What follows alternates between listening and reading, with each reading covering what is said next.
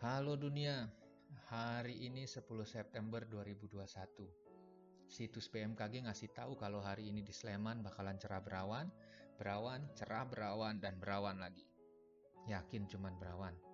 Ternyata Sleman hujan, deres pula. Ini musim apa sih? Hujan atau kemarau? Dari panas terik nggak jelas gitu, tiba-tiba mafiur, basah. Bikin overthinking.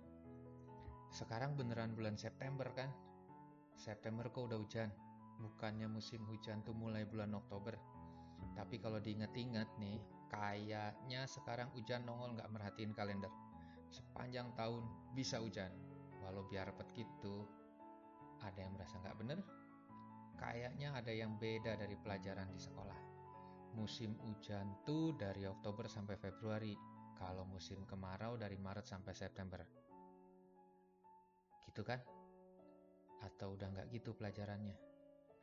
Dari anomali hujan ini saya jadi penasaran sama kejadian atau lebih tepatnya keanehan alam di belahan bumi yang lain. Cek recek di Eropa ada yang nggak pernah kebanjiran, sekarang kebanjiran. Ada yang waktunya musim panas, sekarang jadi terlalu panas. Ada yang pulaunya tenggelam, ada juga yang hilang.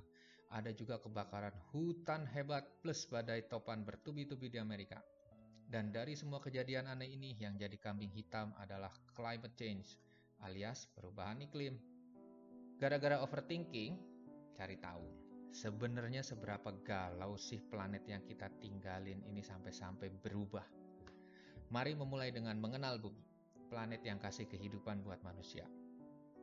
Eh, sebelum mengenal bumi lebih lanjut, kenalin. Nama saya Troy, 21 tahun tinggal di Sleman, daerah istimewa Yogyakarta. Saya mau cerita, tapi cerita pendek, nggak panjang-panjang tentang iklim bumi, efek rumah kaca, siklus karbon, es di kutub yang mencair, laut yang memanas, dan lain-lain yang dampaknya bikin Sleman berasa panas banget di suatu waktu dan hujan deras setelahnya. Atau bikin mendung seharian sementara perakiraan cuaca bilang cerah. Namanya juga perakiraan. Bumi ini bentuknya bulat lonjong gitu, terus diselimutin sama yang namanya atmosfer. Yup, selimut. Kayak pas tidur gitu, Selimut ngejaga suhu yang diselimutin. Atmosfer punya fungsi isolasi, tapi bukan perkat kayak lakban. Isolasi di sini berarti penahan. Atmosfer ngejaga suhu supaya tetap dalam batas yang bikin kehidupan bertahan hidup. Kata lain yang lebih keren itu insulasi. Nah, di atmosfer ini ada arus. Arus yang bukan cuma ada di kali atau laut, tapi juga di atmosfer. Arus ini ngelewatin benua dan lautan, Sembari ngelewatin benua dan lautan, arus ngebawa panas plus kelembapan ke seluruh dunia. Sama kayak emak yang lagi nyambel terasi di dapur, terus baunya menyengat ke seantero rumah. Arus ini yang nyiptain cuaca. Kalau pas ngebawa panas, ya jadi panas. Kalau pas ngebawa dingin, ya bikin dingin. Kalau bawa air, ya jadi hujan. Nah, pola cuaca di suatu tempat inilah yang dikenal dengan nama iklim. Itu sebab kemudian ada pelajaran di sekolah yang bilang musim hujan tuh dari Oktober sampai Februari, kalau musim kemarau dari Maret sampai September.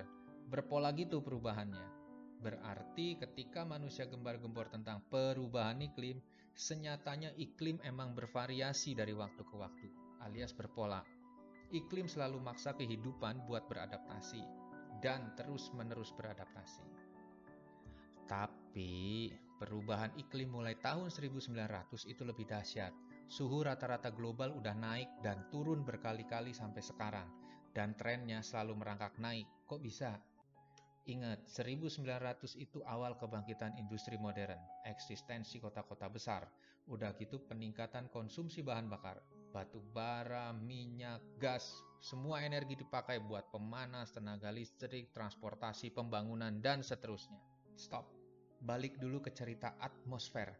Atmosfer tuh berlapis-lapis, mulai dari troposfer, stratosfer, mesosfer, termosfer, lalu eksosfer di lapisan terluar. Jarak dari permukaan bumi, troposfer itu 0 sampai 10 km. Kemudian stratosfer itu 10 sampai 50 km. Mesosfer 50 sampai 85 km. Termosfer 85 sampai 1000 km eksosfer 1000 sampai 190.000 km. Kalau dijadiin perjalanan nih dari Tugu Yogyakarta Sampai Museum Soeharto itu baru masuk stratosfer. Terus lanjut ke Purworejo, baru sampai mesosfer. Lanjut perjalanan ke Kebumen, itu setara termosfer. Nah, kalau dilanjutin sampai ke Palembang di Sumatera, selamat datang di eksosfer. Atmosfer terdiri dari gas nitrogen dan oksigen. Ditambah sejumlah kecil karbon dioksida, uap air, dan gas lainnya. Kehidupan menikmati hidupnya itu di lapisan terendah, troposfer, karena sebagian besar gas penghidupan itu terkonsentrasi di lapisan ini. Makin ke atas, makin dingin, terus kembali jadi panas dan ekstrim. Oksigen juga makin tipis, nggak mungkin bisa hidup. Atmosfer yang nutupin bumi ini jadi kayak tabir surya, kayak pelembab UV di iklan itu, nangkal radiasi matahari plus ngejaga kelembapan kulit. Atmosfer ngelindungin kehidupan dari sinar matahari yang berlebihan plus nahan panas supaya nggak balik keluar angkasa. Fitur atmosfer ini dikenal dengan nama efek rumah kaca atau kerennya greenhouse effect. Tanpa atmosfer, bumi bakalan menikmati suhu yang terik di siang hari dan turun jauh di bawah titik beku di malam hari. Yup, di bawah titik beku yang 0 derajat Celcius. Suhu rata-rata global bumi adalah 14 derajat Celcius. Tanpa efek rumah kaca, suhu rata-rata global bumi bisa jadi sekitar minus 18 derajat Celcius. Beku deh. Kronologinya gini, sinar matahari lewat nembus atmosfer itu langsungan, gak pakai hambatan karena sinar matahari itu radiasi gelombang pendek. Terus bumi menyerap ini energi dari matahari. Alhasil bumi itu menghangat. Kayak telur yang direbus. Pas telur kita pegang itu kan jadi berasa panas tuh. Berarti telur ngeluarin panas. Bumi juga semacam telur rebus itu. Bumi jadi mancarin panas dalam bentuk radiasi gelombang panjang. Nah, gas yang di udara itu nyerap sebagian besar panas ini, kayak tangan kita tadi yang nempel di telur. Sebagian terpancar kembali keluar angkasa alias tembus dari tangan kita panasnya telur dan sebagian lagi balik ke bumi, mantul gitu. Alhasil permukaan bumi itu jadi tetap hangat. Problemnya adalah semakin besar bagian panas yang mantul ke bumi, bikin permukaan bumi lebih hangat dari yang seharusnya. Dan parahnya itu lagi kejadian. Efek rumah kaca ini lagi menguat Alhasil panas yang dipancarkan bumi dan harusnya keluar dalam takaran normal itu justru kejebak di bumi. Dampaknya apa? Pemanasan global. Sudah dipanasin dari luar, pun panasnya nggak bisa lepas. Jadi kalau ngerasa siang panas banget terus malam terlalu dingin, atau berasa kemarau tapi kehujanan, jangan baper. Please welcome climate change. Episode berikutnya saya mau cerita hal ikhwal karbon.